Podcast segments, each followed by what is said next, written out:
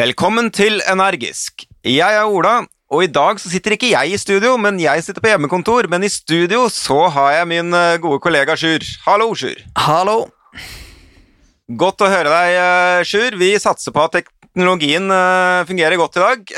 Men du som da har vært ute og reist, fikk du bot på T-banen i dag, eller hvordan gikk det? Nei, jeg klarte heldigvis å unngå bot i dag. Ja, men Det er bra. Jeg vet jo, at, jeg vet jo at du har vært uh, slete litt med akkurat det der. Men uh, de uh, penale elementene i samfunnet, altså bot og lignende, er jo noe som vi advokater egentlig har litt sånn i bakhodet hele tiden.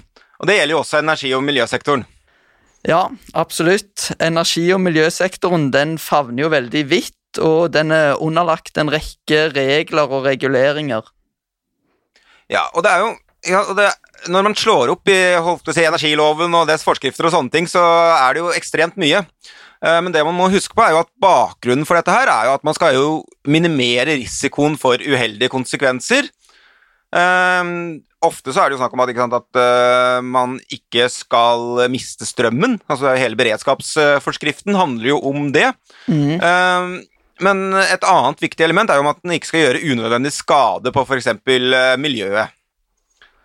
Ja, og en viktig del av rollen som rådgiver for selskaper innen energi- og miljøsektoren, det er jo derfor å sørge for at selskapene er i stand til å holde oversikt over disse ulike reglene, og at de skal være i stand til å eh, overholde selve reglene. Det primære målet med dette er jo selvfølgelig å sørge for at selskapene har så gode rutiner at utslipp eller andre ulykker ikke skjer, men det er jo likevel ikke til å komme vekk fra at ulykker fra tid til annen uansett inntreffer. Og hvis en ulykke først inntreffer, så oppstår jo fort spørsmålet om offentlige myndigheter kan holde selskapet ansvarlig for regelbrudd i forbindelse med ulykken. Vi som jobber i bransjen, ser en utvikling med stadig strengere offentlige reguleringer. I tillegg til at sanksjonsmidler foretaksstraff og overtredelsesgebyr anvendes oftere. Av denne grunn er det en viktig del av rollen som rådgiver for selskapet ikke bare å bidra til at, å unngå at ulykker skjer, men også sørge for at selskapet har så gode rutiner at selskapet ikke risikerer reaksjoner fra offentlige myndigheter dersom ulykken først skulle inntreffe.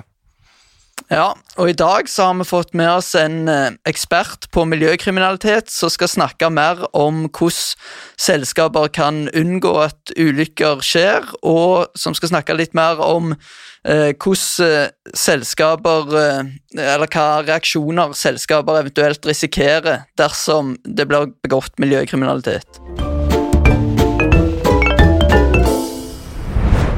I dag har vi fått med oss en gjest med svært god oversikt over ulike offentlige rettslige reaksjoner mot selskaper.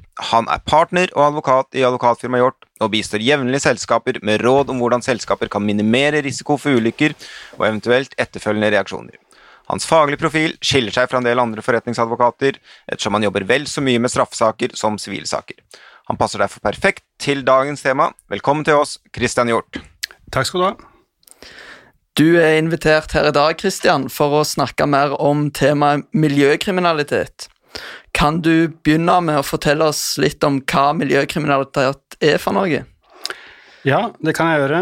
Altså, man skiller ofte mellom det som kalles indre miljøkriminalitet, som er, går på arbeidsmiljø og kravene til eh, et forsvarlig arbeidsmiljø, og det ytre miljøkriminaliteten, som går på tiltak for å beskytte naturen, kulturminner og hindre forurensninger med videre. Mm. Kan du fortelle litt om eh, konsekvensen ved brudd på, på disse reglene som verner om miljøet? Ja, eh, det er en rekke konsekvenser. Altså Lovgivningen er jo lagt opp eh, slik at for det indre eh, miljøkriminaliteten så er det særlig arbeidsmiljølovens bestemmelser om krav til et forsvarlig arbeidsmiljø, intern kontrollforskrift, byggherreforskrift og den type ting som har anvendelse. Når det gjelder det ytre eh, miljøkriminaliteten, så er det en generalklausul i straffeloven, og så har man en rekke spesiallovgiver som er straffesanksjonerte, enten med straff, ordinær straff, eller straffes i form av administrative sanksjoner som overtredelsesgebyrer. Og det kan rette seg både mot eh, personlig straffansvar, personlig ansvar, og også foretaksstraff. Så da har vi to hovedkategorier i form av administrative reaksjoner og straffereaksjoner. Ja, det er riktig. Greit å vite også at uh, kampen mot uh, miljøkriminalitet den er gitt særlig prioriteringer fra lovgivers side. Det er en stortingsmelding nå fra siste år hvor en rekke tiltak foreslås for å i større grad kunne bekjempe miljøkriminalitet, bl.a. også gjennom heving av strafferammene. Eh, Riksadvokaten har i sine mål og prioriteringer også for kommende år et, uh, klart, uh, gitt et klart uttrykk for at kampen mot miljøkriminalitet skal prioriteres. Og påtalen, den sentrale påtalemyndigheten Økokrim er også veldig klare på, på dette. Mm. Og i, eh, som et av de tiltakene som det pekes på, så er det også økt bruk av det som kalles overtredelsesgebyrer, som jo er en administrativt ilagt sanksjon, som regnes som straff etter eh, Den europeiske menneskerettighetskommisjon, men som ilegges av forvaltningen. Og et av de mål, tiltakene som man peker på, er økt bruk av dette, fordi det er mindre ressurskrevende, mer målrettet enn bruk av det tradisjonelle strafferettsapparatet. Eh, du nevnte jo overtredelsesgebyrer, Kristian. Vi har jo også, når vi først snakker om administrative reaksjoner, så er jo det mer enn eh, bare det økonomiske. Eh, skal vi kort nevne hva det kan være? Ja, Det kan være ulike former for sanksjoner, som stansning, pålegg om retting, altså inndragelse av konsesjoner. Det kan være forskjellige ting. Men sånn sammenlignet med straffereaksjoner, som er altså foretaksstraff, så er det liksom overtredelsesgebyret som er den, liksom, den alternative sanksjonsformen. Ja, og det er jo der vi ser at det har skjedd mest utvikling også, eller at det er det som brukes mest nå. Ja, det er det som, eh, som eh, Riksadvokaten og lovgiverne peker på som et uh, alternativ reaksjonsform da, fremfor de alminnelige straffe, straffesanksjonene i de mindre alvorlige sakene. Dette er jo en litt ny uh, reaksjonsform i Norge. Det kom Altså det var vel en NOU på 2000-tallet som het eh, Fra bot til bedring, som lanserte det. Og så har det sakte, men sikkert har vi sett at det kommet inn på flere og flere områder.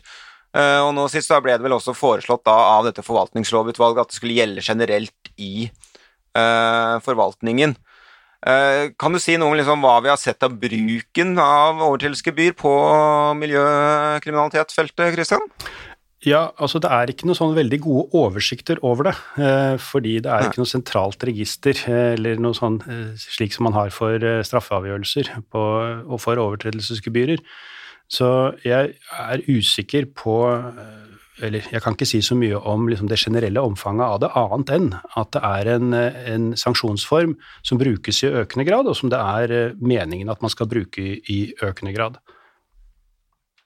Og det i hvert fall jeg har lagt merke til, er jo at det begynner jo å bli ganske høye eh, summer det kan snakke om, rett og slett. Altså det er ganske betydelige overtredelsesgebyrer. Ja, det varierer eh, fra område for område, men særlig innenfor konkurranselovgivningen, som faller utenfor liksom, miljøkriminaliteten, så, så, ser man jo veldig høye gebyrer. Eh. Men innenfor eh, miljøkriminalitet så er det eh, varierer det ganske mye, faktisk. Men man må huske på at de virkelig alvorlige sakene fortsatt skal kjøres i straffesporet. Sånn at de virkelig alvorlige sakene vil ikke bli sanksjonert med overtredelsesgebyrer, og derfor vil heller ikke de gebyrene på en måte være voldsomt høye, for de skal ikke fange opp de alvorligste tilfellene. De alvorligste tilfellene går i straffesporet. Mm. Ja, og det tar jo oss over egentlig til det andre her, fordi eh, sånn dette systemet skal fungere, så skal forvaltningen ta hånd om på en måte de mindre bruddene gjennom da type overtredelsesgebyr og eventuelt andre eh, reaksjoner. Og så blir de eh, alvorlige tilfellene de blir anmeldt og da sendt over til politiet. Og da snakker vi om straffereaksjoner. Da snakker vi om straffereaksjoner, ja. Og det kan, være, det kan være både personlige straffereaksjoner og, og reaksjoner overfor foretakene. Ja, Hvis vi da begynner med, med, reaksjonene mot selskapet, altså det som kalles foretaksstraff, hva innebærer det? Ja, Det innebærer at eh, foretaket straffes i de tilfeller hvor noen på vegne av foretaket, altså noen ansatte i foretaket, har overtrådt uh, regelverket, så kan et uh, foretak også straffes. enten alene eller i tillegg til den personen som har begått lovbruddet. Og det heter seg at foretaket kan straffes selv om det ikke den ansatte har utvist noe skyld. Det er nok litt utfordret etter en avgjørelse i EMD, hvor det vil være problematisk. Det kreves en skyld eh, også hos den ansatte i et slikt tilfelle. Men eh, dette er altså en, eh, en, straff som beror på et skjønn i det enkelte tilfellet, hvor eh, man skal bl.a. da legge vekt på Eh, overtredelsens grovhet, hvorvidt foretaket gjennom retningslinjer, instruksjoner, opplæring osv. har forsøkt å forebygge mot en slik type ulykke, om foretaket har tjent på handlingen, eh, og flere andre vurderingstema som, eh, som, som, som skal da vurderes. Men man ser at foretaket er det først overtrådt eh, lovbestemmelser fra de ansatte, og dette har hatt eh, følger, så, så, vil, så, så, vil, foretaket som hovedregel bli, eh, bli domfelt. Og hva type straff er det vi snakker om da, for selskapet? Det er bot. Ja. Og i en rekke tilfeller så vil jo disse foretaksstraffen avgjøres uten at det skjer en domstolsbehandling fordi foretaket får eh, et forelegg som ofte da vedtas. Mm. uten noe nærmere domstolsbehandling. Og det innebærer at man ikke har så veldig god oversikt over den faktiske reaksjonen og sanksjonen mot foretak, fordi det avgjøres nettopp på foreleggsstadiet. Det er ikke så mange saker som kommer for domstolene. Og det er først når de kommer for domstolene at man får en rettspraksis hvor man kan si noe om uh, sanksjonsnivået. Uh, og så er det det at uh, størrelsen på bøtene til foretakene varierer jo veldig fra sak til sak. Det beror veldig på de konkrete omstendigheter. Men det er betydelige beløp. Man ser jo tilfeller på flere hundre tusen til flere millioner kroner. Litt avhengig av overtredelsens grovhet. Mm. Men jeg syns jo dette her er litt interessant, fordi eh, du var jo inne på det. altså Både Riksadvokaten og Økokrim med sin miljø har vært veldig på dette her. At man de eh, grovere miljøkriminalitet skal anmeldes på politiet, slik at man kan ta tak i det der. Eh, men det du sier nå, er jo at eh, egentlig så blir jo eh, Reaksjonen blir jo stort sett den samme om det er forvaltningen eller politiet eh, som da fører saken. Altså det blir et forelegg eller et overtredelsesgebyr, altså en økonomisk sanksjon. Ja, og det er vanskelig å putte et foretak i fengsel. Ja. Så eh, for foretaket så vil det alltid være snakk om en økonomisk eh, reaksjon. Altså i form av bot eller et gebyr, da, hvis du går eh, i forvaltningsveien. Men eh, det som jo eh, man ser en, en slik en, en viss sånn trend, er jo at ledelsen personlig risikerer jo også et straffansvar. Og det er klart at det har en ganske stor preventiv effekt. Og det er flere dommer i den senere tid hvor, hvor ledelsen, eller ledere, har måttet gå i fengsel, rett og slett, for lovovertredelser. Han risikerer med andre ord personlig straff for feil som blir begått av selskapet. Hvor, hvor streng er denne straffen som han risikerer? Altså det varierer jo helt etter omstendighetene, men vi har jo rettspraksis som viser det. Den såkalte Westtank-saken, så var jo daglig leder der, eh, fikk to års fengsel. Vi har en, eh, det var en enorm ulykke. Mm. Så er det en nokså fersk avgjørelse, riktignok bare en tingrettsavgjørelse hvor jeg selv var forsvarer, eh, som ikke er rettskraftig, hvor det var ti måneders fengsel for daglig leder etter en eksplosjon. Så det er, det er relativt heftige straffer. Ja, absolutt. Og da er vi jo inne på, på si, spørsmålet om skyld igjen, som du så vidt uh, nevnte innledningsvis her. Mm. Kan du som leder måtte gå i fengsel dersom det er ikke du som har gjort overtredelsen som sådan, men at det er en av dine ansatte? Nei, men det, det, som eh, ledelsen vil ha ansvar for, er jo ofte å øh, ha ansvar for at et foretak har gode systemer, ikke sant, gode rutiner, som skal sikre en forsvarlig virksomhet for å bruke et uh, litt generelt uttrykk. Og det er det man har ansvar for, og hvis man ikke har sørget for å etablere det, det er mangelfulle rutiner osv., så, videre, så kan det innebære en straffbar overtredelse for lederen. Uh, Ja. og, og i den sammenheng så er det, opererer eh, loven og, og domstolene praktiserer en veldig streng aktsomhetsnorm. Så det skal eh?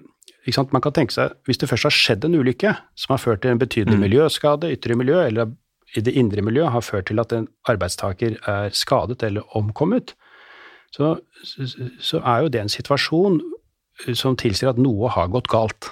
Mm. Noe har ikke vært som det skulle være i virksomheten. Og da, er det liksom, da blir det ofte en øvelse i å regne baklengs. Hvor er det feilen var? Og, og den som da har den daglige ledelse for en virksomhet hvor det har skjedd en slik eh, ulykke, vil jo være ganske sårbar da, for å svare opp han i at, han, at denne virksomheten har vært fullt forsvarlig. At de rutinene som er etablert, de viser det. At det har en, dette har skjedd til tross for at det har vært eh, fullt forsvarlige rutiner der. Og i den sammenhengen så er liksom dette fullt forsvarlighetsbegrepet som anvendes, det anvendes strengt.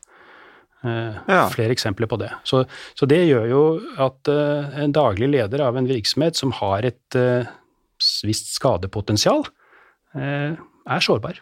Mm. Men for de av våre lyttere nå da, som er daglig daglige ledere og begynner å tenke litt uh, febrilsk over om uh, firmaet deres kan uh, ha skadepotensial enten for sine ansatte eller for naturen, hva er det de bør gjøre? Altså det som ofte viser seg i disse sakene, eh, er at eh, de HMS-systemene og de rutinene og eh, risikovurderingene som man skal foreta, ofte er mangelfulle. Så det beste rådet man kan gi til virksomheter som driver med et visst skadepotensial, generelt også for så vidt, er at man har et, et dokumentsystem som reflekterer eh, og kan dokumentere at man har gjort alt som eh, kan tenkes for å forhindre ulykker. Og da er det viktig at man eh, også kan vise til, og for, særlig for foretakets ansvar, i vurderingen av foretakets ansvar, at dette er forankret liksom helt opp i toppen av foretaket, helt opp i styret, og at dette er at er etablert et system eh, generelt, og også spesifikt i forhold til de enkelte risikoer som denne virksomheten innebærer.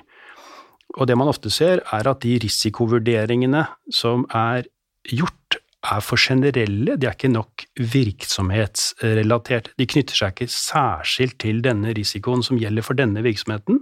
Det er veldig viktig å, å, å sikre.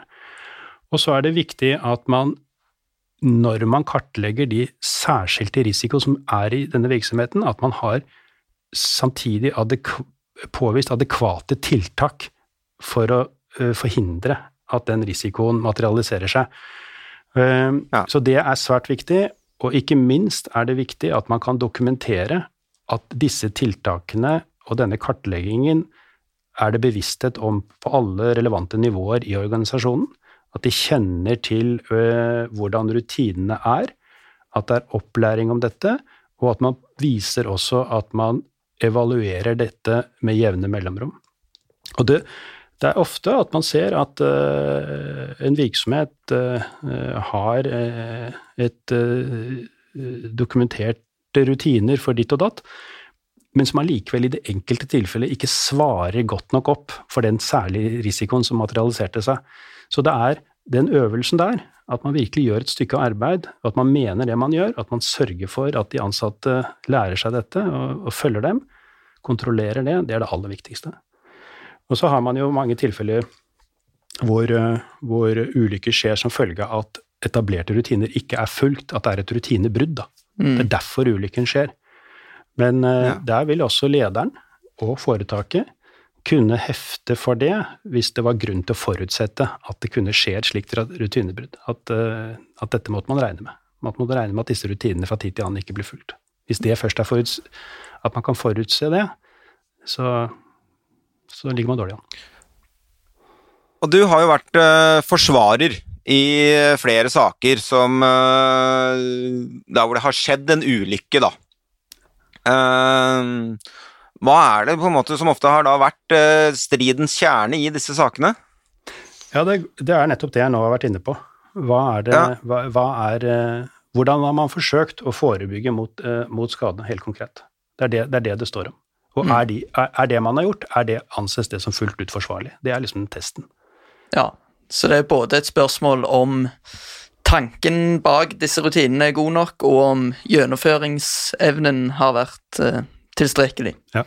Ja, og det er jo, altså På energifeltet, da, Sjur, som uh, du og jeg har uh, jobber mest med, så er jo en del av det som nå Kristian har gått gjennom, det er jo uh, nedfelt faktisk i forskrifter. Altså Energilovforskriften har bestemmelser om internkontroll.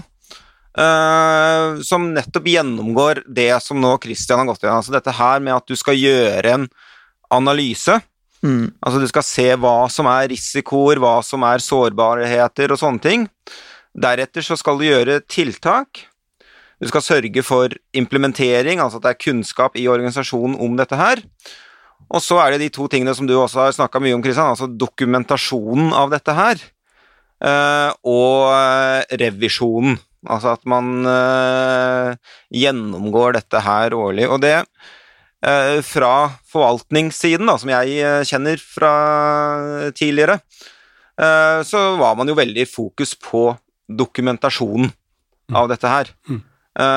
og der opplevde jeg at det var jo en del foretak som syntes at det var på en måte det var byråkratisk, eh, sa de ofte. ikke sant? At vi kom og etterspurte dokumenter som viste det, sårbarhetsvurderingen eller eh, en eller annen form for internkontrollen.